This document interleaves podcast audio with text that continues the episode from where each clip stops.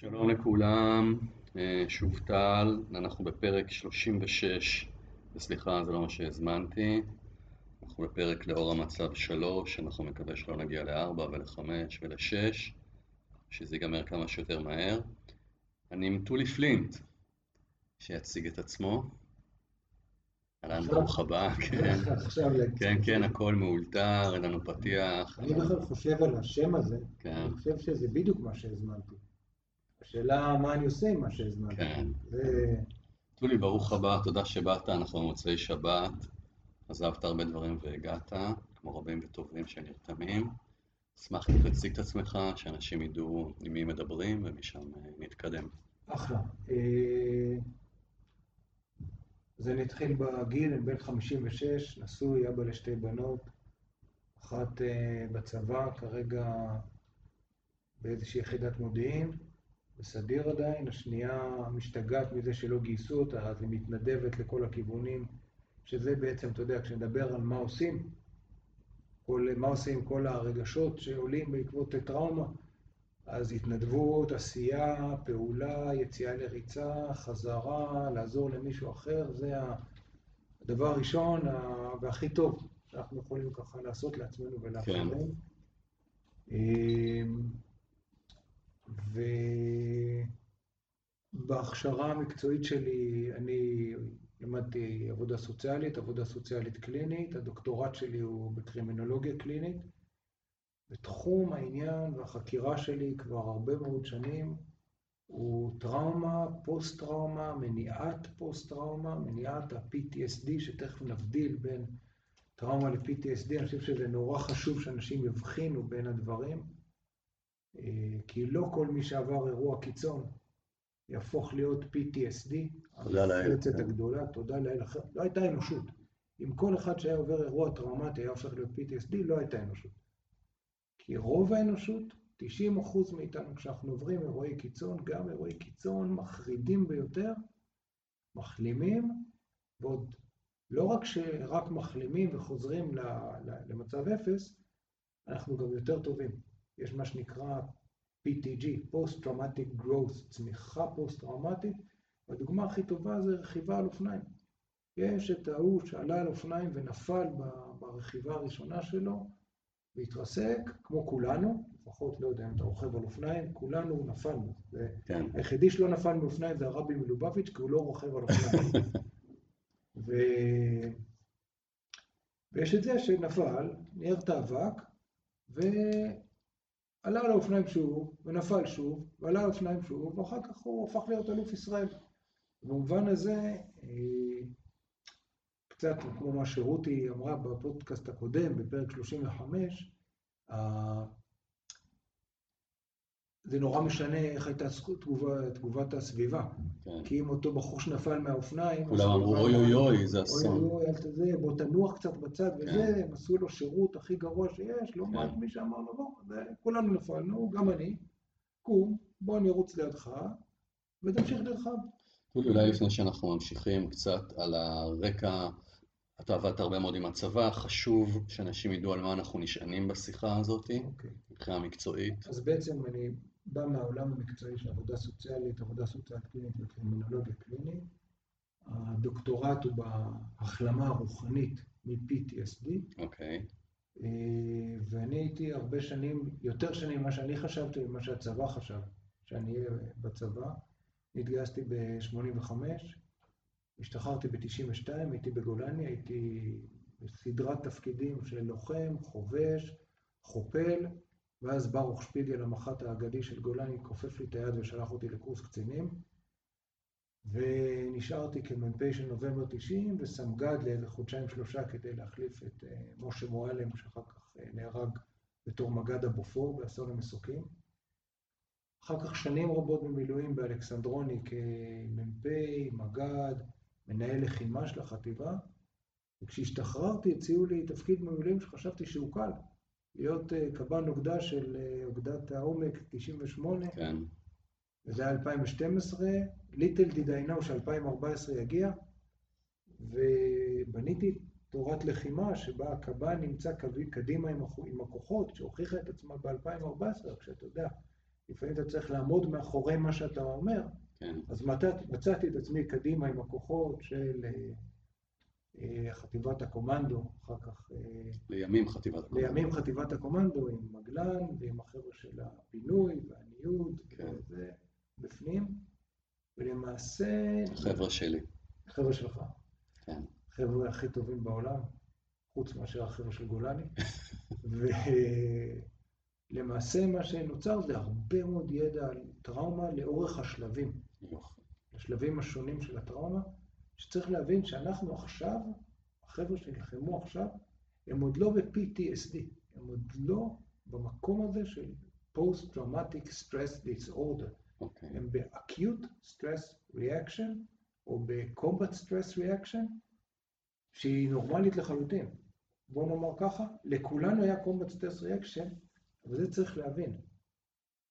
ה-Combat Stress Reaction היא דבר טוב.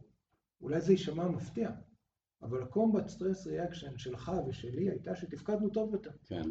היינו ברמת תפקוד X ביום-יום, בשלווה שלנו, ואז הודיעו לנו, אוקיי, נכנסים ללחימה, הגוף שלנו התגייס, מערכת העצבים שלנו התגייסה, ועשינו דברים שלא האמנו שיכולים לעשות. נכון, האימונים שלנו במסכם צפון, ומסע כזה ומסע אחר, הכינו אותנו, אבל בגדול, האדם הממוצע, רוב בני האדם מתפקדים יותר טוב במהלך הטראומה ותחת הטראומה, וכל המטופלים שאני פוגש עכשיו, ניצולי המסיבה, החבר'ה שנכנסו לקיבוצים של עוטף עזה וליוו את זק"א כדי לטהר ולהוציא גופות, או לטהר את כל המקומות שבהם נלחמו, ממש בגבורה אדירה, הסיפורים שאני שומע הם מדהימים. אנשים עשו שם דברים ששמענו עליהם בסרטים, ואתה יודע, אני מוריד את הכובע, נלחמתי במלחמות, לא כמו הנצורים האלה שנלחמו... יוצא דופן. באופן יוצא דופן. כמו שמג"ד 13 שם בסרטון שמסתובב כבר ברשת הרבה, אומר, אתם לא דור האייפון, לא דור השמייפון, אתם לוחמים כמו כל הלוחמים שזה. אז קודם כל, במהלך הטראומה, רוב האנשים, בוודאי חיילים קרביים, אנשים שתפקידם בזה, מתגייסים ועפים למעלה. אחרי האירוע, יש כאלה שזה קשה להם יותר, אבל עדיין צריך לזכור ש-90% מהאנשים שיעברו אירוע טראומטי, יחלימו ממנו. יחלימו ממנו, האירוע הטראומטי יהפוך להיות נקודה שעליה הם נשענים כ... נקודת עוצמה אולי.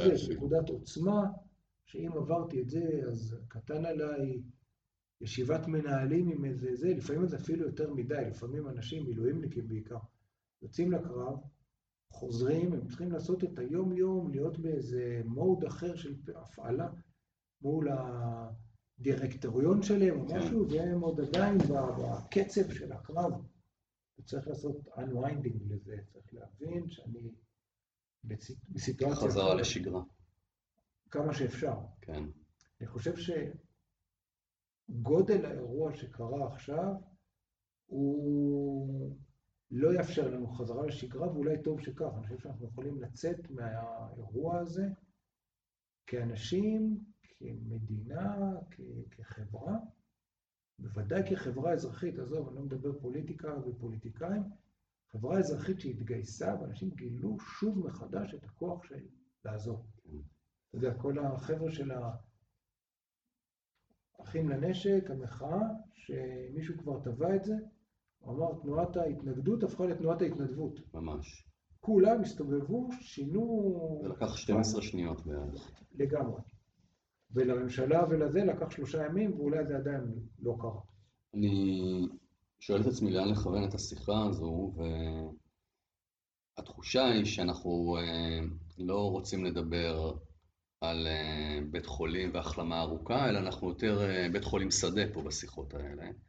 במובן הזה שהייתי רוצה לראות מה, איך השיחה הזו יכולה ללכת למקום שיעזור לאנשים להתמודד עם מה שקורה כרגע, גם להבין מה קורה. דיברת על אנשי המסיבות, אנחנו ראינו את האנשים של זק"א, הם חוזרים לבתים, אה, אנחנו רואים את הלוחמים שחוזרים לבתים, איזה כלים, גם של הבנה של מה שקורה, גם של השלבים השונים, גם של איך לגשת לזה. מה שיחה כזו בינך לביני יכולה בסוף לסייע לאנשים האלה לראות את המציאות בצורה אחרת, ואתה הקשבת לרוב הפרק שהיה עם רות, כן. מסתבר שאתם חברים, ככה גם הגעתי כן. אליך. אמ, רות באמת נתנה איזו תמונה רחבה ככה מאוד מאוד מעניינת. עם מה, לאן היית רוצה לסחוב את השיחה הזו היום? אני הייתי אומר שני דברים. אחד, קודם כל עוד הבנה מה זה טראומה, מה זה פוסט-טראומה אוקיי, ואיך להבחין, וזה כזה מהר, נעשה את זה מהר. בלי יותר מדי מונחים מדעיים. ואחר כך רות דיברה מאוד על הבן אדם עצמו. כן, אני רוצה לדבר על המפגש של הבן אדם עם החברה שלו, אוקיי, ומה מה אני צריך, מה, מה האנשים שמקשיבים לנו צריכים לתת וצריכים לקחת. מעולה. מה, זה, זה בעיניי הכוח, כי אתה יודע, כבר במשנה היה כתוב או חברותא או מיתותא. ואו שאנחנו נהיה ביחד, ובמשוררים של הבקו"ם היה או שתהיו תלויים זה בזה, או שתהיו תלויים זה ליד זה. זה הדבר שהייתי אומר. אז בואו נבין רגע, בואו ניתן הגדרה הכי פשוטה לטראומה. ההגדרה הכי פשוטה לטראומה זה יותר מדי. יותר מדי. זה יותר מדי חם, יותר מדי קר, יותר מדי כואב, יותר מדי מהר, יותר מדי... כל מיני יותר מדי, יותר מדי, ומה זה יותר מדי? זה אומר שכמות המשאבים שיש לי לא הספיקה להתמודד עם האירוע. כי אם היה לי מספיק משאבים, אם היה לי מספיק כוח, מספיק שינה, מספיק זה, מספיק כל מה שאפשר לחשוב על משאבים, הייתי מתמודד עם האירוע. בדוגמה הכי פשוטה, אם, אם עכשיו מישהו מעליב אותי ויש לי ערך עצמי מספיק גבוה, אני אומר, אוקיי, כל מה שקרה זה שהוא העליב אותי, אני מתמודד עם זה. אז הוא אמר. אז הוא אמר, כן. אם מישהו מעליב אותי ואני באיזו תחושה, תחושת נחיתות ובערך עצמי נמוך, העלבון הזה ימשיך להסתובב לי בראש, ואני, וואי, מה קרה? ואני אני בכלל להאמין בעלבון הזה. במובן הזה, יש לנו כאן איזה מקום של אה, אם יש לי משאבים מספיק, אם הכוס שלי מספיק גדולה, אז אני יכול לשפוך פנימה עוד הרבה הרבה הרבה, וזה לא, לא, לא יוצא החוצה. ועוד יותר, גם אם יצאתי מחלון המשאבים שלי וכבר הגבתי קשה, אני יכול לחזור אליו. אחוז. יש לי מספיק משאבים. עכשיו, יש לנו שלושה סוגים של טראומה. שלושה סוגים של יותר מדי. כן, שלושה סוגים של יותר מדי כאלה. שוק טראומה. הלכתי ברחוב, נפל עליי פסנתר. נפל עליי פסנתר, אני צריך להתאושש מהדבר הזה, אני צריך זה. אני אפחד קצת ללכת ברחובות, בגלל שנופלים פסנתרים. כל הזמן אסתכל למעלה, אני אבדוק שלא נופל פסנתר. במפתיע, דווקא מהשוק טראומה הכי קל להחלים. כי זה אירוע חד פעמי, יוצא דופן בצורה קיצונית, ואני מבין שעל אף שזה היה מאוד מפחיד, הסיכוי שהוא יקרה, הוא יחזור על עצמו, הוא קטן.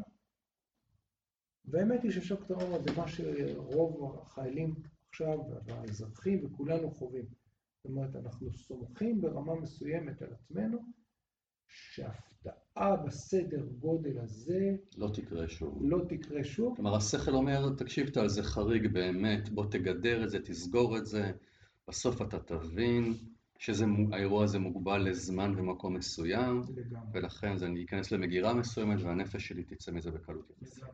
אני- עד כמה שזה נשמע מרגיז, אני היום למטופלים אומר, האירוע המסוים ההוא של הלחימה ההיא בין בתי הקיבוץ, או הישיבה, אתה יודע, יש היום, אה, כבר הגדירו את זה בספרות המקצועית, יש מה שנקרא טראומה באמצעות המדיה.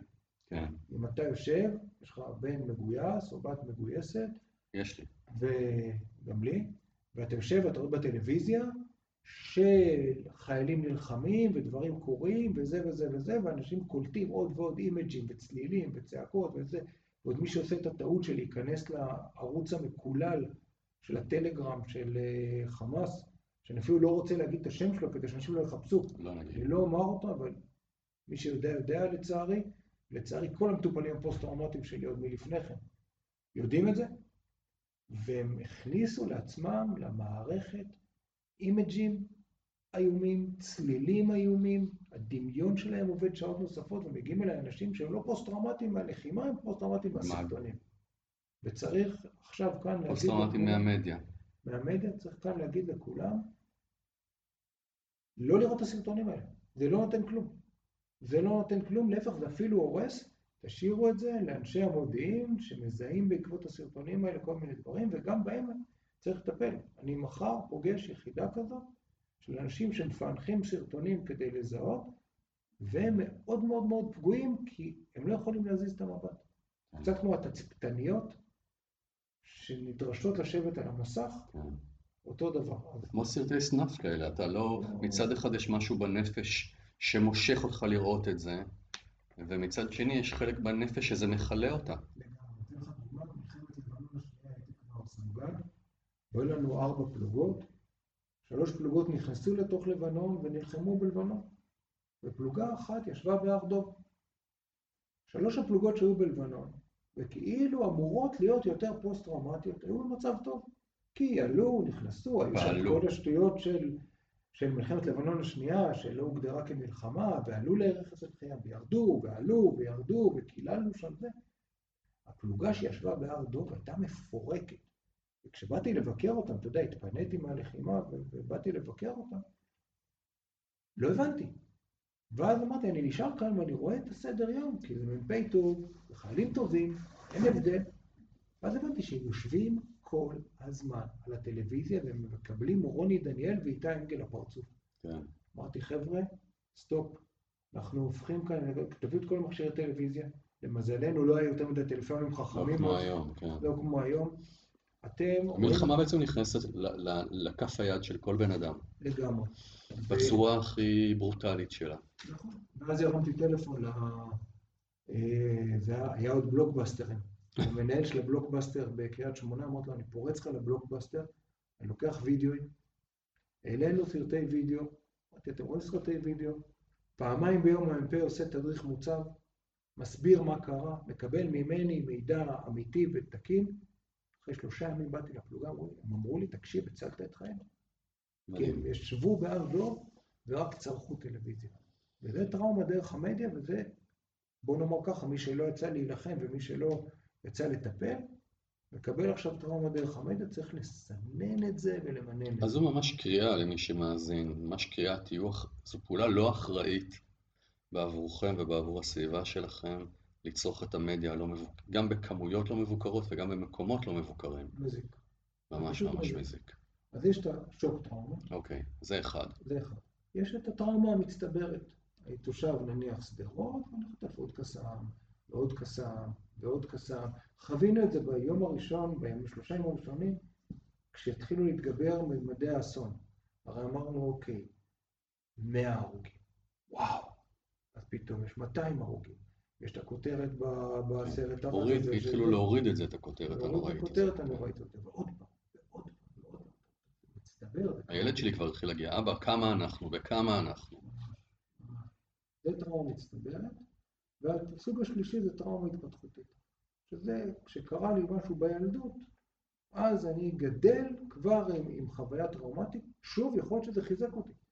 יכול להיות, ויש לנו הרבה סיפורים אנשים שגדלו בילדות טראומטית והתחזקו מזה. אם כי, אני לא ממליץ, זה לא, זה לא מתכון. אפשר לוותר על זה. אפשר לוותר על זה, זה יותר טוב לגדול בזה. עכשיו, אחרי שהתרחש אירוע טראומטי, יש כמה שלבים. יש את השלב שאנחנו נמצאים בו עכשיו, שזה Combat Stress Reaction, הוא נמשך, על פי הספרות, חודש, חודשיים, שלושה, ובשלב הזה כל תגובה היא נורמלית. אין, אין תגובה שאני מסתכל ואומר, טוב, זה בן אדם שיהיה לו post PTSD, post traumatic stress disorder, הוא מתנהג נורמלי, יש לו תגובה נורמלית לאירוע לא נורמלי. הלחימה היא אירוע לא נורמלי, יש לו תגובה נורמלית לסיפור הזה. אחר כך יש לנו פוסט טראומה, PTSD, ואחר כך יש לנו PTSD כרוני, ואולי אפילו PTSD מורכב. שזה אבל צריך להבין, זה אחוז קטן מאוד מאוד מאוד מהלוחמים יחוו את זה, ומהאזרחים יחוו את זה. אז רגע, אז בוא נבין רגע מה זה אומר ועד כמה האחוז הזה קטן. זה, מה זה PTSD? PTSD. PTSD מורכב מארבעה אשכולות של אה, סימפטומים. אוקיי. אשכול אחד זה אשכול העוררות.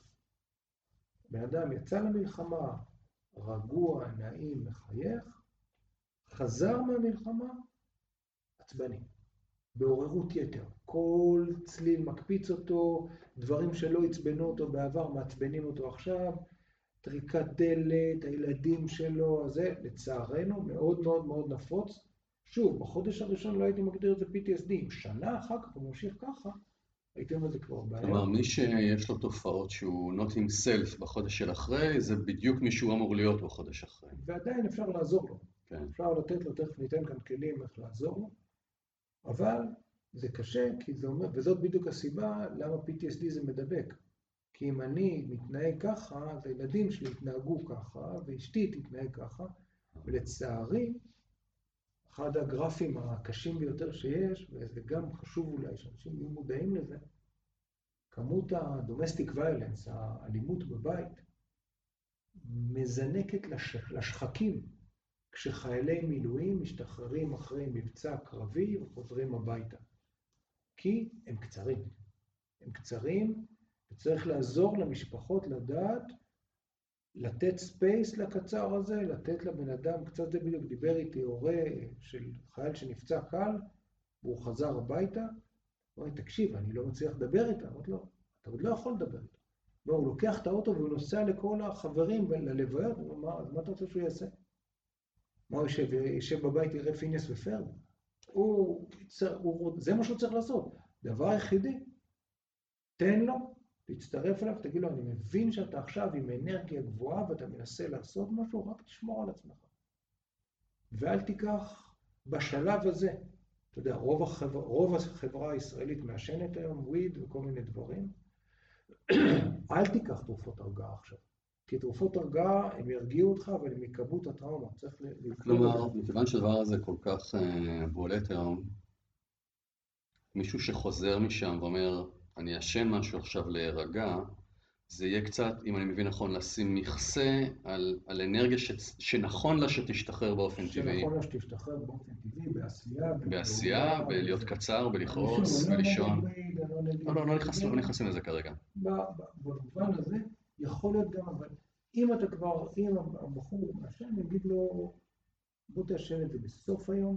בעדינות. בעדינות, ואם אתה יכול גם לבחור את הזן, תבחר את הזן שמרדים, את הזה שמוריד ולא את הזה שמעלה, אתה רוצה באמת להיכנס לשינה נעימה, תרפה את השרירים, okay. אוקיי. תיכנס לשינה. זה, זה הדבר ככה, אני חושב, חשוב נוסף, ובעיקר צריך להבין שהעוררות הזו מייצרת אלימות, ואלימות מייצרת אלימות חזרה. וזה... אתה אומר עוררות, אבל הכוונה היא בשפה שלנו לאי שקט מאוד. עצבנות.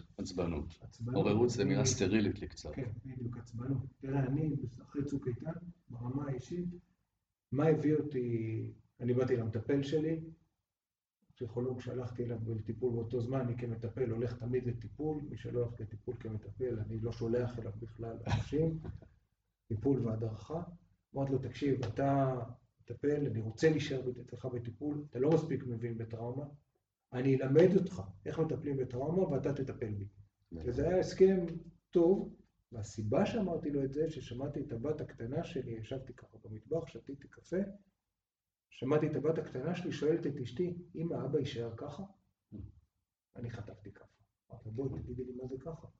והיא אמרה לי, הבת הקטנה אמרה, אתה נכנס הביתה, אתה מנמיך את הטלוויזיה, אתה מנמיך זה, הכלבה נובחת, אתה צועק עליה. לא היית ככה. אוקיי, יש לי את מה שאני יודע ללמד עליו. כן. תתעורר, תן לעצמך שתי סטירות, ולך לטפל בעצמך. זה העוררות. התופעה השנייה היא תופעה הפוכה. ההימנעות. עכשיו, היא יותר קשה. למה היא יותר קשה? כי בעוררות לפחות אני מוציא אנרגיה החוצה, כן. ואחרי איזו התפרצות בחוץ, או צעקה בחוץ, או כל מיני דרכים שאני אצא לרוץ, אני אעשה ספרינט, אני אעשה דברים כאלה. זה ההימנעות משאירה את כל האנרגיה בפנים, היא מתחילה לבעור ולייצר מחלות. יודעים ש-PTSD מייצר מחלות פיזיות כמו פיברומיאלגיה ואולקוסים וכאבים בבטן. טוב, אני רק צריכה ללכת לאן שהוא. אני נכנס לפנים, מה שלא משתחרר יישאר בפנים. וההימנעות הזו, ולמשל ההימנעות מלדבר עם חברים, ההימנעות ממגיע צו, נניח מרים טלפון, אני מקבל טלפון ממספר לא מוכר, אני זה, אני לא נוסע צפונה כי בצפון היה זה, כן. אני מוריד, בקיצון, אנשים מורידים את, הדלת, את הדלתות בבית כדי שלא יהיה בומים של דלתות נטרקות, כי כן. זה מזכיר להם את זה. לכן אני אומר תמיד פוסט-טראומה, אנשים שלא רוצים לשלם פוסט-טראומה, הם חסרי אחריות, ללמד, לטפל בפוסט-טראומה שלהם, ולא משלימים עם זה, הם חסרי אחריות למשפחה שלהם כי הם מדביקים אותם.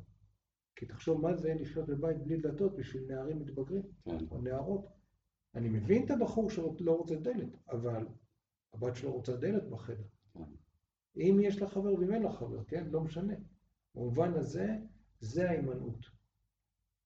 האשכול השלישי, זה אמרנו רעות, זה מה שהם אוהבים תמיד להראות בסרטים האמריקאים, צובעים את העדשה בבזלין, עושים כזה צלילים כאלה של היזכרות, ובן אדם יש לו פלשבקים של תמונות מהעבר. איך זה נקרא? חודרנות, מחשבות חודרניות, הבנתי. intrusive thoughts, שזה פלשבק של ריח, זה פלשבק של מראה, זה פלשבק של מחשבה, וזה באמת בא דווקא כשאני נרגע. זה דו- בא דווקא כשאני ואז גם נרגע. הטריגרים יכולים להיות טריגרים של אותו ריח, של אותו תמונה, של אותו... בדיוק, וגם בלי אותו ריח, דווקא כשאני מרפא דווקא את ההגנה, יושב, נהנה, נרגע, פתאום המוח יכול להביא לי את זה. אחד המטופלים הוותיקים שלי זה בחור שישבתי פשוט אחרי ריצה בחוף תל ברוך, הסתכלתי על הים, ירד הרקולס לנחיתה, ופתאום זה שישב לידי זינק והתחבא מתחת לכיסא נוח. עכשיו ניגשתי, אמרתי לו, תקשיב, קודם כל, זה חרא של מחסה. בתור- התחלה, והוא התחיל לצחוק. אמרתי לו, מה, מה קרה? הוא אומר, תקשיב, חלמתי, ופתאום המטוס הזה נכנס לי לתוך השדה ראייה, והוא היה אחד מהלוחמים בביירות, בשדה התעופה בביירות. כן, הוא אומר, זהו, הייתי שם. שזה בדיוק העניין של ה-PTSD. ה-PTSD חוטף אותך לשם ואז, ולא לכאן ועכשיו. זה, זה מה שצריך להבין, זה מה ש-PTSD עושה. והיה פעם ספר מאוד פופולרי, אינטליגנציה רגשית, של גרדנר, מהמם. הוא קרא לזה emotional hijacking, כאילו מחטף חטיפה רגשי. רגשית, כן. מחטף רגשי, הלכתי ברחוב ופתאום נחטפתי. דווקא כשלא שמתי לב. האשכול הרביעי זה אשכול חדש יחסית של סימפטומים, זה ירידה ביכולת חשיבה וירידה ביכולת לקשרים חברתיים, שזה הכי טרגי. כי מילא אני עצבני או נמנע או יש לי פלשבקים. הירידה הזאת, יש כל כך הרבה סטודנטים שהיו בטיפול שלי, שיצאו נניח לעפרת יצוקה כשיש להם ממוצע של 85-90 בתואר, חזרו, ופתאום הם נכשלים במבחנים. עכשיו, זה לא שהאינטליגנציה שלו ירדה.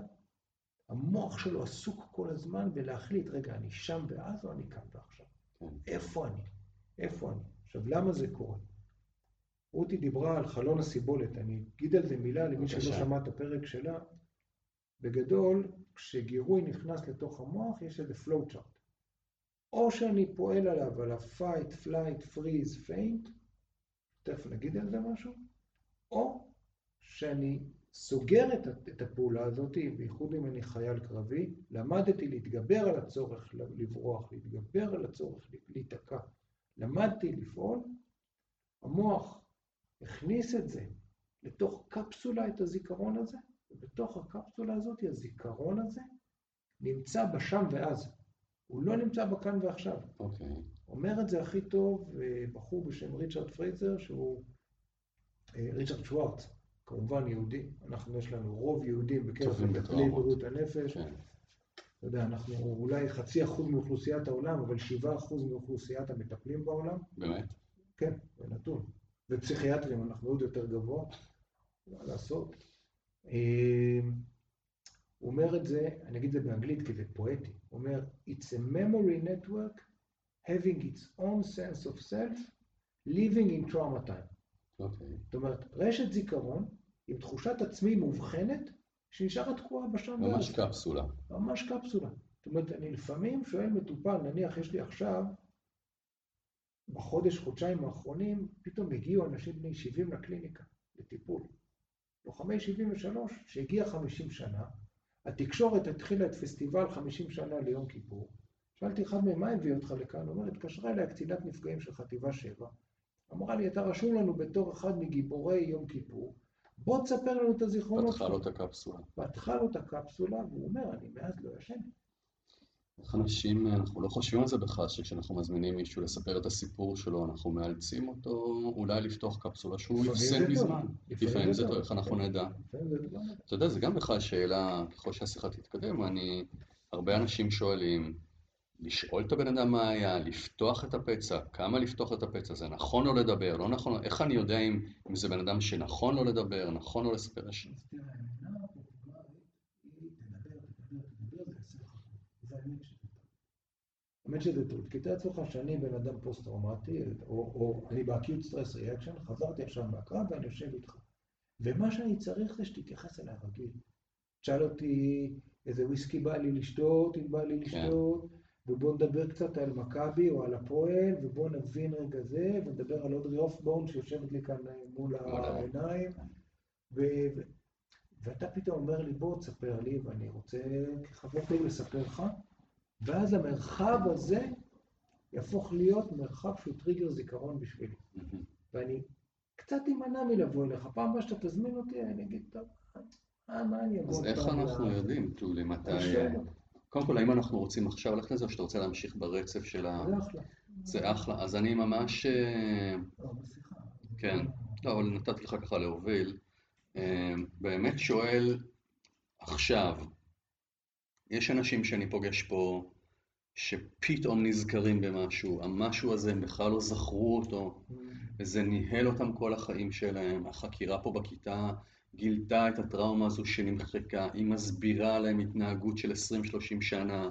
בזכות הפתיחה הזאת והבכי והכאב, כאשר הם יותר מבוסתים היום, יש להם את הכלים לטפל בזה, יש מטפל אז שמח... זה העניין. אז זה העניין, נתת כאן את התשובה, באופן טבעי יש לך... אז אני רק אני אגיד, אז ברגע שהם מסוגלים לפגוש את הטראומה הזו במקום אחר, ויש להם מי שיאחוז את ידם, אז הם פותרים את בעיות העבר שלהם. אז אתה אומר בעצם שאולי הנקודה היא לברר האם הבן אדם שמולי, יש לו כרגע במונחים שלך את המשאבים להתמודד עם הוא הדבר. מבוסת וממושאב, הוא יכול לדבר את הדברים, אפילו אם הוא בוכה.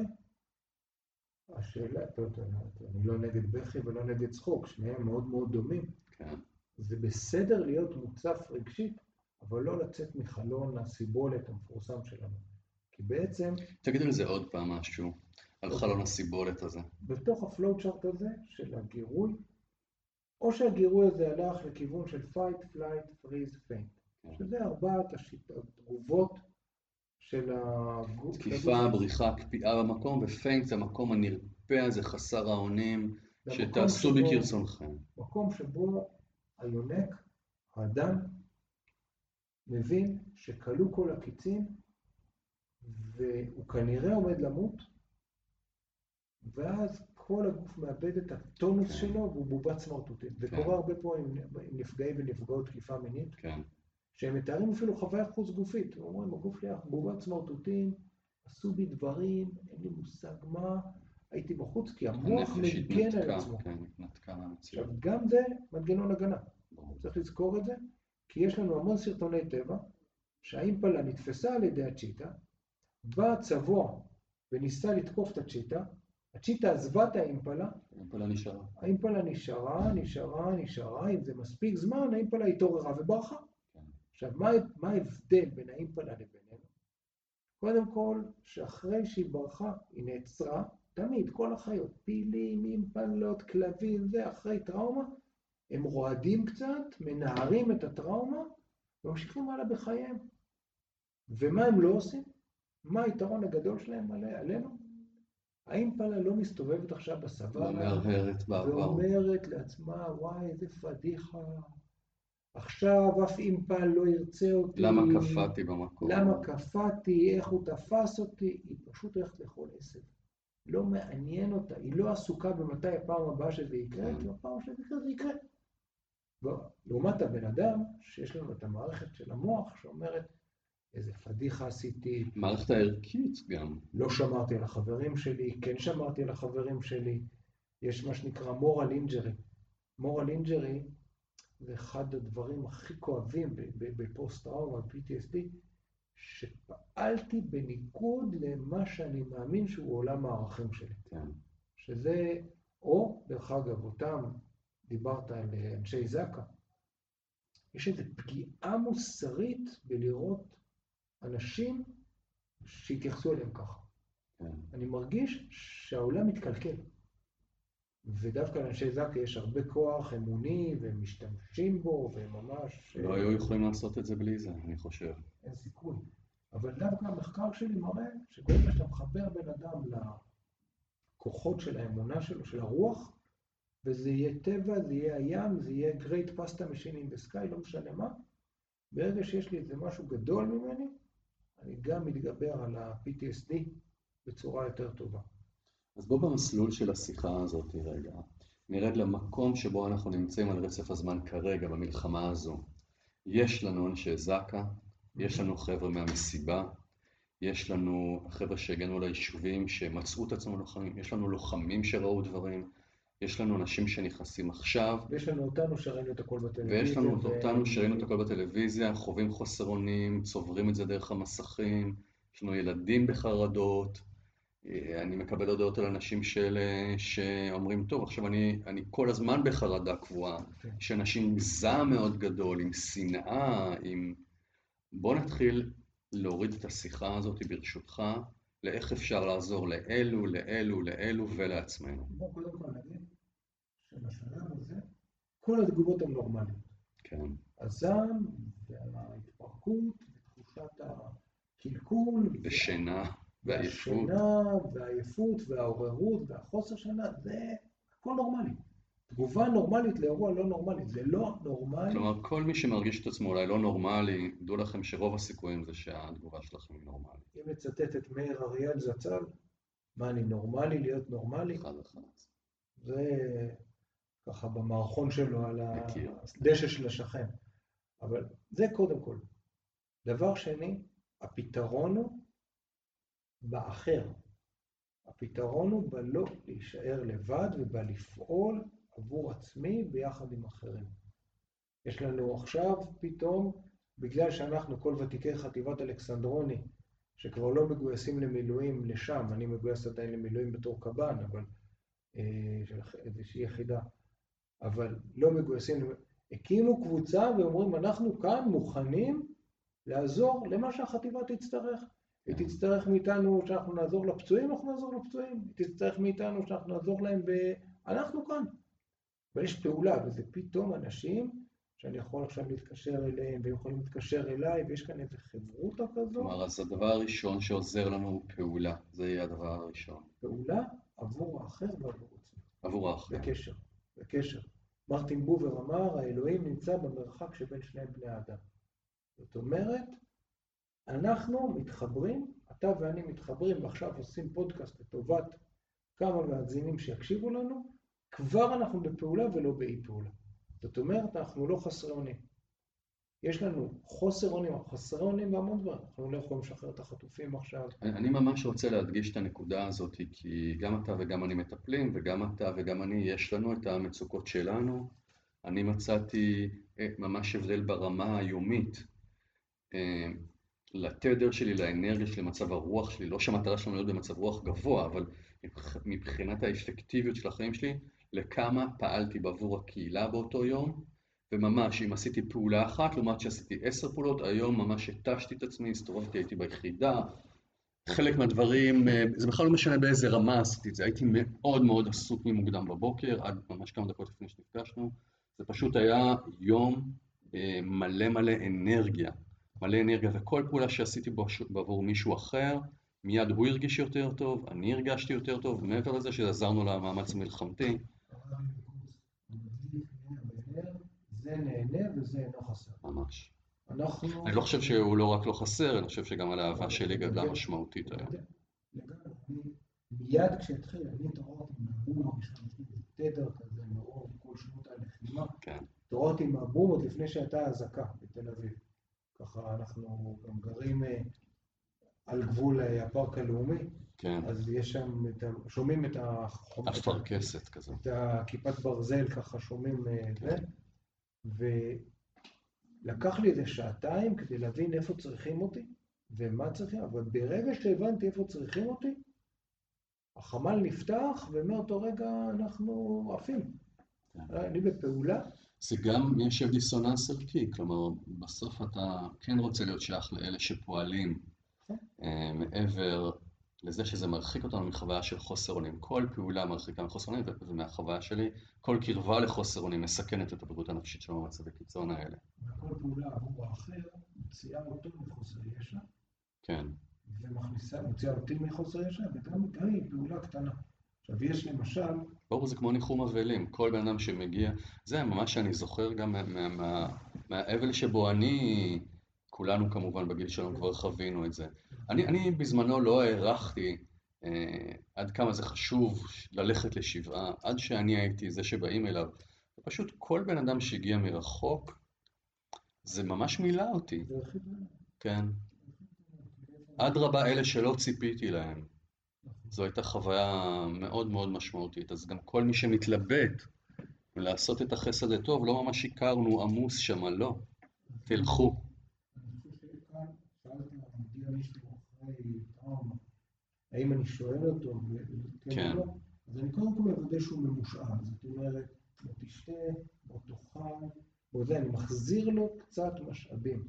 כשחייל יצא החוצה אלינו לצוות לתגובות קרב, בצוק איתן למשל, או אחר כך, וגם עכשיו, קודם כל בוא תקבל מדים נקיים, כן, בוא תיקח משהו מתוק, בוא תשב רגע, אתה צריך לישון, אתה צריך להתקלח, מה אתה, קודם כל הצרכים הפיזיים הבסיסיים של אתה חוזר להיות קצת בן אנוש.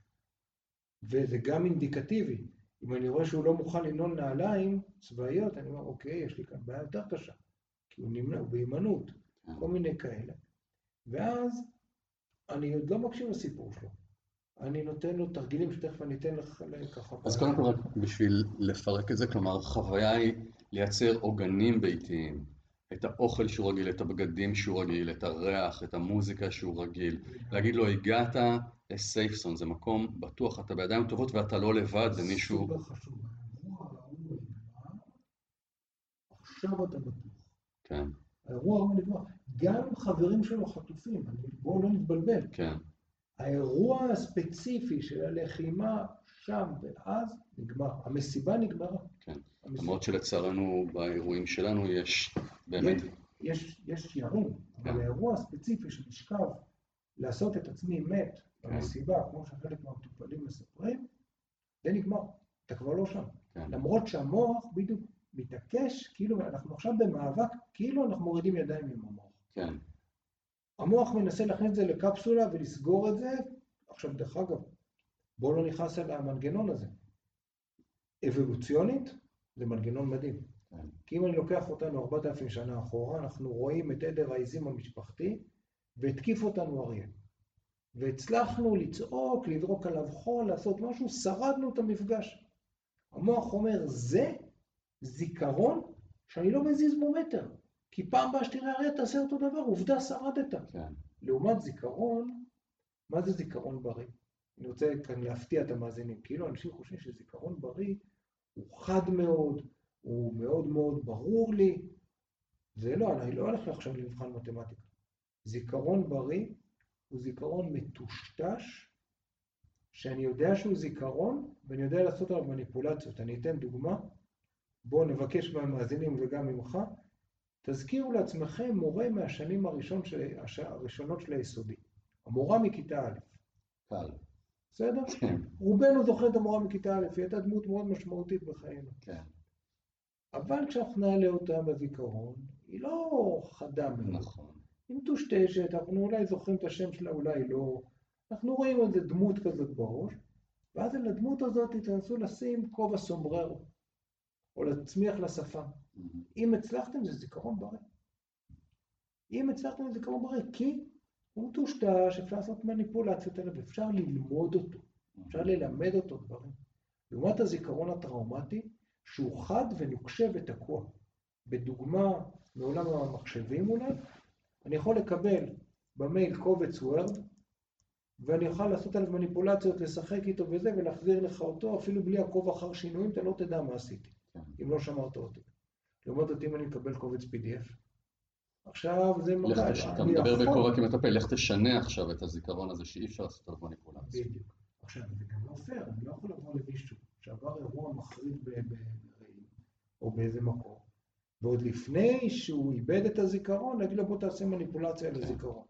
אבל אם אני שואל אותו ואני אומר לו, תקשיב, כשאתה נזכר בזה, אתה רואה את זה בטח בצבע, אתה יכול לנסות לראות את זה בשחור לבן? אתה יכול לנסות להתרחק טיפה מהזיכרון? אם הוא מצליח, הוא בכיוון להחלמה. כן, כשהמטופל, כשהמטופל מספר לי את כל הסיפור בלשון עבר, אני אומר, praise the Lord, הללויה, הבן אדם בדרך להחלמה. כי זה שם.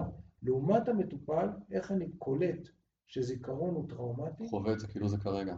הוא אומר לי, הלכנו, ראינו, שמענו, ואז אני רואה, אני מריח, אני שומע, אני...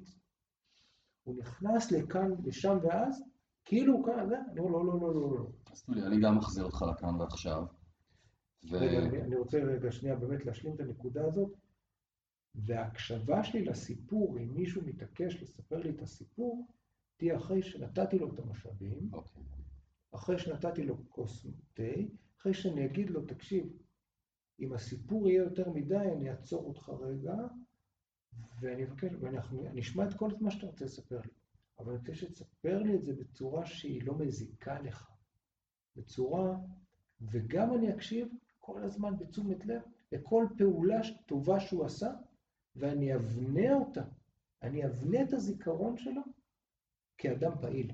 כלומר, הגיע מישהו מהמסיבה, אני מקבל אותו, שם אותו במקום מוגן, מקיף אותו במשאבים שהוא מכיר היטב, עושה לו את הצ'ונט, את הקפה, את התה, את הבגדים, את המקלחת, את השמיכה, את שהוא רגיל. מה שהוא צריך. אני שואל אותו, אני גם מסתכל עליו, האם הדבר הנכון בעבורו זה לספר את הסיפור. אני שואל אותו אם זה מתאים לו, ואם כן, אני אומר לו, בוא נעשה את זה בעדינות, ואנחנו נראה בכמה אתה עולה גבוה או נמוך, ואם נרגיש שזה יותר מדי, אנחנו עצור נעצור וניקח את הזמן, ואני עוקב אחרי הדבר הזה, ולא קריטי לי לשמוע, כי לפעמים אם, אם הוא לא בשל להשמיע, אז אנחנו מייצרים יותר נזק מתועלת. עד לפה אני בסדר? כל פעולה שהוא עשה, גם אם היא נראית לו אי פעולה, כלומר, אם הוא יגיד כן, אבל איזה אפס הייתי, אני ברחתי, אז אני אגיד לו כן, אבל תראה איזה תושייה הייתה לך, כי אם לא היית בורח, לא היינו מנהלים את השיחה הזו. אז הבריחה הזו שלך, אני אעשה יותר כפי. כן, אני אגיד לו, תקשיב, זה נכון, אני מצטרף. אני לא מתווכח איתו. כן. מצטרף אליו כמו כשסוס משתולל, אני לא נעמד מולו. ברור. עושה פייסינג אלידי, אני מצטרף איתו, יש אל מולי לעד מפעם, ואני אגיד לו, כן, ברחת, אבל תגיד, אני מבין שאתה מרגיש אשמה אל מול החברים שנשארו שם ואולי נהרגו. מישהו מהחברים שלך, לדעתך, אתה אם היית מת, היית מאשים אותם על זה שהם ברחו? כן, ברור שלא. ברור שלא. ברור שלא. כאילו אני מחליף. עכשיו, זה בסדר, האשמה. אבל אני רוצה להגיד משהו שחשוב נורא שנגיד עכשיו. גם בתוך הטראומה יש היררכיות. כולנו, בגלל הזוועה של ההתנגדות הזאת בין הזריחה, מי שהיה במסיבת טבע, מי שכתב, ניסן שור כתב על זה הכי יפה בהארץ, מי שהיה במסיבת טבע, הזריחה היא, הרגע המועצום זה הרגע. שמחכים לו. זה הרגע שמחכים לו, ודווקא הרגע הזה קולקל, אז את כולנו הדיסוננס הזה מטלטל. והקיבוצים, הפסטורליה של הקיבוץ מול הזוועה, זה גם מפעיל אותנו. אני רוצה שנשים לב גם לתושבי אופקים, שדרות, אשקלון, למשפחות שאין להן קהילה. למשפחות אולי אפילו של עולים חדשים.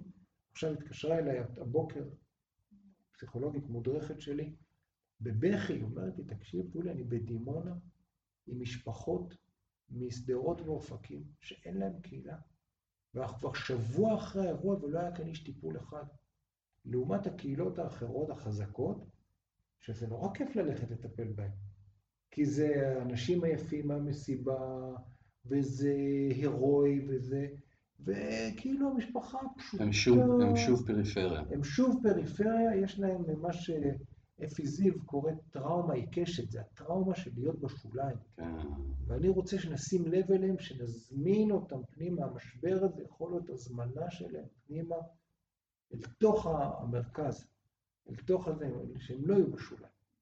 אז בעצם כשאני מקשיב לסיפור, אני מקשיב לו בתשומת לב, אני רוצה שהבן אדם יהיה מבוסת בתוך חלון הסיבולת שלו, ואני, כל פעולה שלו אני ארים, אפילו אם הוא יגיד לי, שכבתי בלי תזוזה, פחדן, לידי רצחו אנשים, אני אומר, תקשיב, הצלת את עצמך, איזה מזל שהצלת את עצמך, ונורא כואב שהם נרצחו, ועם זאת, איזה מזל שאתה כאן לספר את סיפורם. זה, ה... אני מרים את הדבר הזה מה עוד? מה עוד? אני למשל יודע שהרבה מאוד פעמים אנחנו עושים את זה גם עם ילדים, גם עם חברים, אנחנו מנסים, ל... מנסים לצמצם, כי אנחנו רוצים להקל על הקושי שלהם. אנחנו אומרים, כן, אבל לא נורא, אבל לפחות ככה. זה. לא, זה, אני, אני, נותן לבן אדם להיות במקום, אנחנו מקשיבים. לו במקום שבו הוא נמצא. מה עוד? תנועה פיזית כן, בין משאבים לבין הרגעים הקשים. מה הכוונה? אני יכול, עם, עם מטופלים, ואנשים יכולים לעשות את זה עם עצמם, קודם כל, כל מה שאני אומר עכשיו זה גם לעזרה עצמית, כן. אבל אנשים יכולים לעשות את זה עם עצמם. אני מחליט שאני יוצא החוצה לגינה הציבורית, ועץ מסוים הוא המקום שבו אני חושב מחשבות טובות וחיוביות, ופח אשפה מסוים הוא המקום שבו אני מרשה לעצמי לרגע לחשוב את המחשבות הרעות שלי על עצמי. פחדן, טיפש, עלוב נפש, כל הדברים הרעים שאנשים יורדים על עצמם, ועכשיו זה ביחס של 4 ל-1. אם הייתי 40 שניות בטוב, אני 10 שניות ברע. לא יותר. אז מה אתה מציע לאנשים ממש לחפש שני ממדים פיזיים? אם היינו כאן בחדר, יש לך כאן כן. חדר יפה, לא יודע כמה המאזינים ר- ראו אותו, אבל יש לך חדר יפה, הייתי מח- מחליט עוד פעם, יהי משאב בשבילי כאן עוד ריאשבורג, כן, יש פה תמונה של עוד רפבו, מי שלא כן. לא היה פה. אז אם משאב, הייתי אומר לידה, שהיא כל כך מהממת. מהממת, בכלל, אני מחפש, כשאני במצבים של מצוקה, אני אומר לאנשים, "תחפש- תחפשו את הנעים, יפה, טעים. וגם, דרך אגב, היום, אנחנו כבר שבוע אחרי, לא הייתי עושה את זה ביום הראשון או השני, אבל בשבוע אחרי, אני פוגש מטופלים גם עם מצבים מצוקה הכי קשים, אני אומר, תגיד, בשבעה ימים הנוראים האלה, איזה רגע של חסד היה? איזה רגע של חסד היה? ולא, יכול, ולא פגשתי אחד שאמר לי, לא היה אף רגע. כן. רגע קטן אחד של חסד, וזה יכול להיות רגע שליטפתי כלב, זה יכול להיות רגע שקיבלתי. חיבוק, יכול להיות רגע שעזרתי למישהו, יכול להיות רגע שמישהו אמר לי, רגע, שנייה, בוא, קח כוס קפה. היה לי, עצרתי בצומת, וראו עליי כנראה שאני מוטרד אחרי איזו שיחה, אז מישהו פתח את החלון, נתן לי מקופלת, אמר לי, קח, אתה צריך נראה לי. לא מכיר אותו, לא מכיר אותי, אמרתי, וואלה, בן אדם זיהה. והמשיך לנסוע, אין לי מושג מי הוא. אתה מבין? רגע של חסד, שאני עשיתי משהו למישהו, או עשיתי זה, זה המחשבות שאני מתרכז בהן. בא, נניח, ליד התמונה, ואני ואתה מחליטים ששם, בצד ההוא של החדר, איפה שיש הציור הזה, שאין לי מושג מהו, אתה כנראה יש לזה משמעות, כן. אנחנו, אני יכול ללכת לשם, ושם אני עשר שניות אהיה, ואני אתן לעצמי להיות בגיהנום, אבל עשר שניות. אני ממש אספור. תשע, שמונה, שבע, שש, חמש. ששם אני מקיא את כל הכעס, התסכול, ההלקאה העצמית, השנאה. רואה את הרע על עצמי, וחוזר לעוד עוד ריאפבורן שלידה אי אפשר לחשוב רע. לא. אי אפשר לחשוב על עצמך. אם יש כזה דבר יפה בעולם, אי אפשר לחשוב רע. זאת אומרת, במובן הזה, פיזית, אני זז ביניהם. עכשיו, תכף אני אתן עוד תרגיל, איך אה, זה. פיזית אני זז, ומה שאני שומע מהאנשים אומר, אומרים לי, איזה כיף שאפשר להתרחק מהסחלה וללכת לטוב, ושיש לאן לחזור. כי יש לנו משאבים.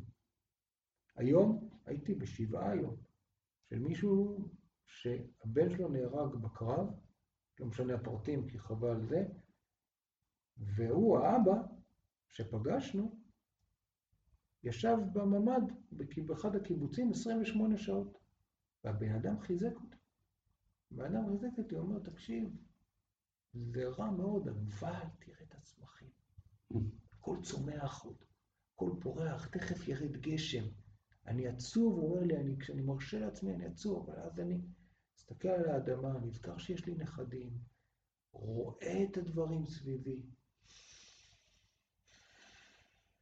אני יכול לעשות את זה.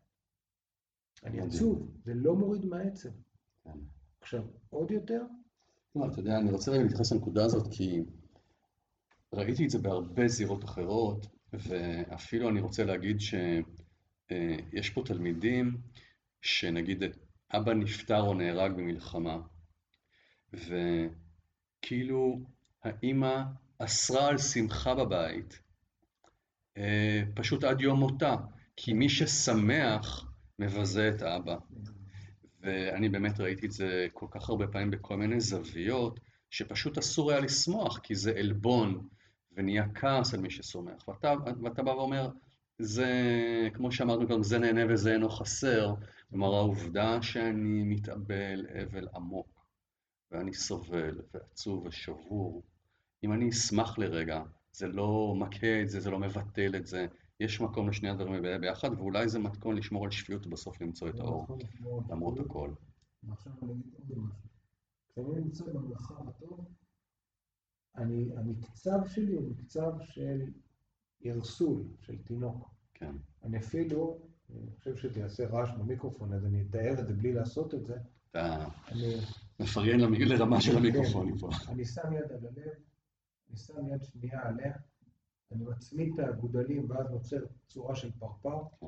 אנחנו קוראים לזה חיבוק הפרפר, ואני, כשאני נמצא במקום הטוב, אני עושה חיבוק פרפר ועושה טפיחות קלות על שקע הכתף, כל חייל קרבי יודע מה זה שקע הכתף, אבל גם כן. אחרים, ששם זה עצב הווגוס שרות דיברה עליו, ואני עושה את זה בצורה עדינה ונעימה, וכשאני נמצא במקום הרע של הסחלה, אני עושה את זה מהר, ומפריע לזיכרון. אני לא נותן לו לעשות פרטיה בפנטהאוז, אני לא נותן לו להשתלט עליי. אני רוקע ברגליים, אני מפריע לו. ואז אני חוזר למקום הרגוע, ואני עושה את זה כמה פעמים. למה? כי המוח, יש לו בעיה. או שהוא נשאב לטראומה, או שהוא מתעלם ממנה.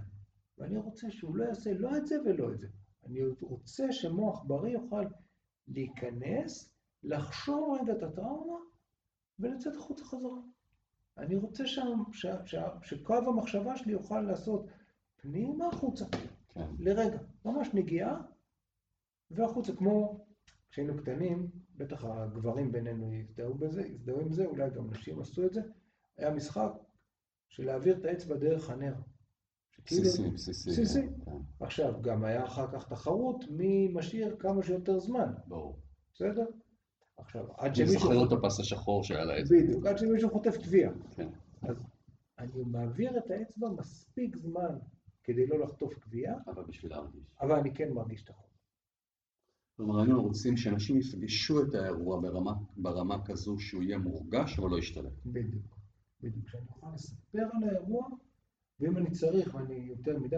היה עכשיו ראיון, ראיתי את הקטע הזה בטלוויזיה, אני, אני לא רואה הרבה טלוויזיה, אבל היה ראיון, איך קוראים להם שני הליצנים האלה, אברי גלעד וארז טל, חברו ביחד, תראה מה המלחמה הזאת הצליחה לעשות, כן. מאז זה מה יש, הם לא היו ביחד, והם ראיינו את אה, עידן רייכל. כן. וראו שהוא נחנק, כי אחד החברים הקרובים שלו כן. נהרג, והיה שם איזה רגע שהוא אמר, אני צריך ללכת עכשיו. עכשיו, כל הכבוד לו קודם כל שהוא אמר, אני צריך ללכת עכשיו, אני לא יכול להמשיך את הרעיון, אבל מה שזה אומר לי, זה אומר שהוא נשאר יותר מדי בתוך הזה. הוא נשאר יותר מדי, הוא היה מוצף, שזה בסדר, אנחנו כולה ארבעה, חמישה ימים אחרי האירוע, שבוע, אנחנו מוצפים, זה בסדר להיות מוצף, זו תגובה נורמלית, ועדיין, אם, הייתי, אם, אם בטיפול הייתי גורם למישהו שהוא היה אומר לי, טוב, אני עכשיו הולך, הייתי עושה, זה סימן שעשיתי טעות. מהמם. אם אני עכשיו קיבלתי חבר מה, מה, מהקרב, ואני יושב איתו, והוא מרגיש שאני מציף אותו מדי, שזה סימן שלא הגנתי עליו. כי אני רוצה אותו, שהוא ידבר איתי בתוך הדבר. דודי, אנחנו לקראת סיום. אז אני אגיד עוד מה, כמה דברים שאנשים עושים. תארגן רגע עוד משהו שהוא כלי או מסר. עשייה עבור עצמי ועבור האחר אמרנו. נהדר. תנועה בין המקום הטראומטי למקום מעניין מאוד, הטובים, ואני תנועה מתכוון לנסות את זה. גמישה כזו, אם אתם בכלל יכולים לעשות שמיניות בין זה לזה, עוד יותר. בין המקום שמיועד ביחס של ארבע לאחד לדברים טובים שהם אור, לבין משהו שבו אני מפרק את כל הזעם, כעס, דוגמה תסכול. עם משפחה, שווה, שווה לי משפחה שתעבור למד, כולם, מאוד יופי, קחו דפים, אתם מציירים כל אחד משאב, משהו שאתם אוהבים, משהו טוב, אתם נותנים לזה מילה, כן, אתם נשארים סביב, אנחנו נשארים ביחד, עומדים סביב זה, ועכשיו אנחנו זזים, תלינו את התמונות על עץ שיש בגינה מחוץ לקליניקה שלי, בתל אביב, אמצע תל אביב, אבל יצא לי ליד איזה גן, ואנחנו זזים לאיפה שהחלטנו שזה הטראומה, שזה פח אשפה ציבורי, שיש שם ירוק כזה, הולכים לשם, לשנייה אחת, כל המשפחה עומדת ביחד, וירוקים ברגליים, וצועקים, וכועסים, וחוזרים לעץ. כן. כמה פעמים כאלה, והאבא אומר לי, אנחנו נושמים. אנחנו נושמים, אז זה תנועה. דבר שלישי, פעילות גופנית, פעילות גופנית, פעילות גופנית. לא יותר מדי, זה לא הזמן עכשיו לקבוע, לעבור את אוסיין בולט בריצת 100 מטר, אבל להזיז את הגוף. להזיז את הגוף, לשחרר, וכל תנועה שיש בגוף, לתת לה לצאת. לתת לה לצאת, לכתוב את הזיכרונות דווקא. ולמה לכתוב? כי אם אני כותב, אז אני יודע שאני לא צריך להתאמץ לזכור יותר. אני כותב, אני אומר לעצמי, אוקיי, זה במחברת, אני יודע שעכשיו אם אני ארצה... זיכרונות של מה שאירע. אם אני רוצה לזכור, אם אני חייב לספר ואין לי למי, או אני רוצה לספר וזה, אני כותב את הזיכרונות, אני סוגר את המחברת, יש לי את זה עכשיו. יש לי את זה. עכשיו. אני יכול להגיד למוח כל פעם שהוא נפגע, זה במחברת. זה כמו בהארי פוטר, שדמבלדור מוציא את כל הזיכרונות שלו לפנסיב, להגיגית. כן, אותו דבר, אני אוכל ללכת למחברת הזאת ולפתוח אותה ולקרוא רגע, כי זו הייתה חוויה מטורפת, אני יכול לשבת לכתוב, מי שכותב אה, יכול זה, לצייר את זה אם הוא יכול, להוציא את זה החוצה, כדי לדעת שיש לי את זה, להקליט לעצמי את זה איכשהו או משהו. יש לי רגע שאלה פה במקום הזה. אה, מתי אני יודע שמי שנמצא מולי חייב ללכת לטיפול? כלומר, שאני... דיברת על זה בהתחלה, בחודש החודש הראשון כל התגובות הן נורמליות. וגם שם עזרה- טיפולית תעזור. ברור, אבל אנחנו לא, לא כולנו נלך, לא לכולם יש את האמצעים, לא, לא, לא תמיד יש מספיק, לא משנה, אבל מתי-. כן, אלפי שרק לחפש קצת ברשת ואת... אבל עדיין אני רוצה פה דווקא את הפינה הזו, מתי אני יודע שבן אדם שמולי כבר חרג מהנורמה, כמו בבדיקות דם, אוקיי, הוא או שמאלה או ימינה. כן. תן לי אינדיקציה הוא- לדבר הזה. ואני מקשיב לו, והוא כל פעם נשאב לשם ואז, שהוא נשאב ל... ואני רואה, ואני מריח, ואני זה, כשהבן אומר לי אני לא ישן דקה, והוא באמת, אני רואה עליו שהוא לא ישן כן. דקה, והוא לא נח דקה, זה שתיים. כשהבן אדם בעצבנות יתר, או כשהבן אדם מתנתק לי. אבל זה גם בחודש הראשון תגדיר את זה? גם בחודש הראשון בעצבנות יתר, גם במצבים הכי נורמליים. אה, אוקיי. מצבים נורמליים. עכשיו מישהו יושב מולך כאן בזה, והוא קם, והוא בודק אם החלונות סגורים, כן. והוא שואל אותך זה, והוא מספר לך, תקשיב, קניתי סכין, הגשתי בקשה לראשון לאקדח, אני לא ישן, אני לא ישן במיטה שלי, כי במיטה שלי יש חלון בלי סורגים, כן, ישן כן. רק בשר. כל מיני דברים, אתה אומר, אוקיי, אוקיי, אוקיי, אוקיי, ככה לא חיים. ככה לא חיים, בואו בוא קבל עזרה. ודווקא חשוב להדגיש, עזרה טיפולית נכונה בחודש הזה, בחודש של אחרי או בחודשיים שאחרי, יכולה לעצור את התהליך מלהפוך מ-acute stress reaction, combat stress reaction, ל-PTSD. אני יכול למנוע או להקטין את זה שיהיה PTSD. חשוב להבין, לכל חייל קרבי, גם לך יש פלשבקים. השאלה מה אני עושה איתם. זאת אומרת, אני לא, צריך להבין, אני חסר אונים מול האירוע שקרה, אני חסר אונים מול התגובה שלי לאירוע שקרה. המקום שמתחיל להיות לי כוח, התגובה שלי לתגובה שלי. כן. זאת אומרת, אני חסר אונים... היחס שלי למה שקרה. כן, כן, זה מעולה. זאת אומרת, אני לא יכולתי למנוע מהפצצת מרגמה ליפול לידי. אני לא יכול למנוע מזה שאני קפצתי ושמתי את הידיים על הראש וחברים צחקו עליי, כי זה היה רחוק מספיק. אבל היחס שלי... אני יכול לקום ולהגיד, בוא'נה, איזה פדיחה, איזה קטע, כן. או אני יכול לקום ולהגיד, יואו, עכשיו מחוקים עליי, זהו. כן. כאילו, במובן הזה, יש, uh, יש חוסר אונים ראשוני, ונתי רונל אומר, פרופסור נתי רונל. יש חוסר אונים ראשוני, האירוע, לא יכולתי למנוע אותו. חוסר אונים שניוני זה התגובה שלי לאירוע, גם אותה לא יכולתי לעצור. המקום שזה הופך להיות שלי, זה הטרנספורמציה, חוסר אונים טרנספורמטיבי, שאני אומר, טוב, לא יכולתי למנוע את הפצצת מרגמה, ולא יכולתי למנוע את התגובה שלי. אני כן יכול לשלוט בתגובה שלי לתגובה שלי. אני יכול לפנות לעזרה, אני יכול לבקש עזרה, אני יכול לצחוק על עצמי, אני יכול... לעשות reframing, לחוות את זה אחרת. reframing, אני יכול להגיב ולהגיב. כן. זה, זה, זה המקום שככה, עוד דבר שזה. עכשיו אמרנו, אה, אמרנו שהפעילות גופנית מאוד מאוד מאוד טובה, ואין מספיק דרך להדגיש עד כמה זה חשוב עזרה למישהו אחר. עזרה למישהו אחר, גם במודל מעשה של, של אה, זה, או ביהלום של הצבא, במגן ללוחם, שזה כן. סרטון שמתפורסם ביוטיוב. קודם כל, אני כאן איתך, אני לא אעזור אותך עד שתרגיש יותר טוב. דבר שני, אני צריך שתעשה את זה ואת זה ואת זה. דבר שלישי, זה מה שקרה, הייתה פצצה, זה, זה, זה. דבר רביעי, אני צריך שתעזור לאהרון. צריך שתמנה לו את המימיה. אה, כלומר שהנפגע עצמו ידע ללכת לעזור למישהו. הנפגע עצמו צריך ללכת לעזור. אם מישהו אומר, אני לא מסוגל לזה, אני לא מסוגל, אתה לא. תן לו משהו שהוא יכול. א', תן לו משהו תחזיק לי את הכוס. ואני צריך לשים לב שאולי הוא צריך טיפול. כן. אולי הוא צריך טיפול. כשאני מגיע לקבוצה, ואני אומר למפקד, רגע, עכשיו בוא, לפני שאני מגיע, תארגן משחק כדורסל לכולם. כן. או תארגן עזרה לכולם. מי שיושב בצד, אני רוצה שתסמן אותו. כי הוא... אולי הוא אחלה, או אולי הוא צריך קצת יותר עזרה. אולי טיפה יותר עזרה הוא צריך. נהדר, טולי. רציתי רגע להגיד אה, משהו שהוא קצת יותר רך אולי אה, אה, במדרג של הטראומות. המשפחות כלואות בתוך הבתים, המשפחות הנורמטיביות, המשפחה שלי, אולי המשפחה שלך, נכון. והפתיל קצר בלי קשר. משהו, אני מסתכל על המשפחה שלי כדוגמה, ואני רואה איך כל אחד פיתח התנהגויות שמאוד מאפיינות אותו בתוך התקופה הזו.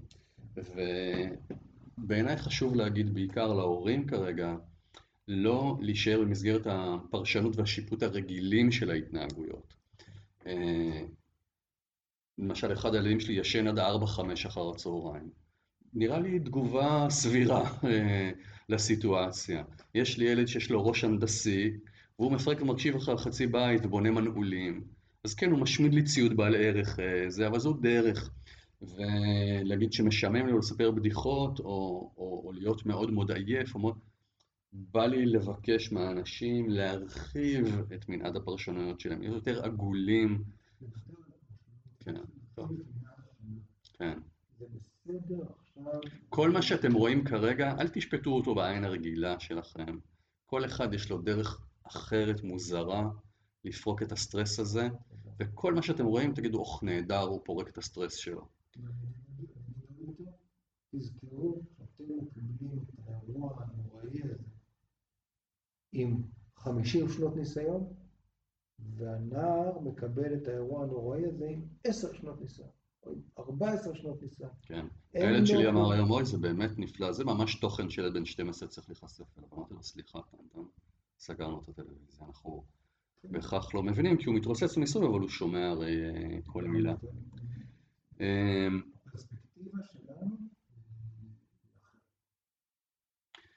הייתי היום אה, במגלן יחידת האם שלי.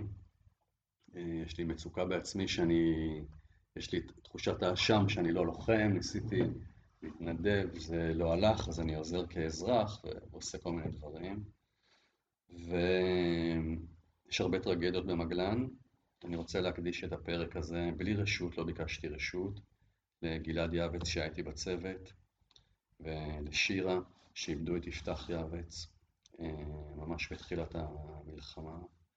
להגיד להם שאני אוהב אותם, וש... אין לי יותר מה להגיד, אבל אני סימבולית מקדיש את הקשר, את הפרק הזה, לשירה ולגלעד ולמשפחת יערץ. טולי, זה מוזר לי לקרוא לך טולי, זה שם החיבה שלי במעגלים מאוד מאוד מצומצמים. אה, טולי, תודה רבה שבאת מוצאי שבת. אני אספר לך משהו שאתה תאהב. כן. טולי, בשפת הזוג, לימדתי בדרום אפריקה. אוקיי. ובסוף המפגש בא אליי איזה איש זולו כזה בגובה שני מטר, שחור, ענק כזה. אמר לי, do you know that טולי איזה meaning in זולו? אני כבר החברתי, חשבתי כן. שזה איזה משהו זוועתי. אמר לי, no, no, you're gonna like it. אומר, טולי זה משכין שלום. מה אתה אומר? בשפת הזולו. אמרתי לו את זה. אז אה, הלוואי אמן אה, השיחה איתך תוכל להשכין מעט יותר שלום באיזושהי נפש שפגשה את הפרק הזה. שוב, המון תודה שבאת מוצאי שבת. אני בטוח שעשית את זה בלי לחשוב פעמיים. נסיים בברכה הבודהיסטית. מי ייתן ותבוא של- שלווה לכל הברואים. אמן. שלווה, לא יותר. אנחנו לא מבקשים הרבה. תודה רבה, וחברים, אם אתם. רואים שהפרק הזה רלוונטי למישהו שאתם מכירים, אתם כמובן מוזמנים להעביר אותו. להתראות.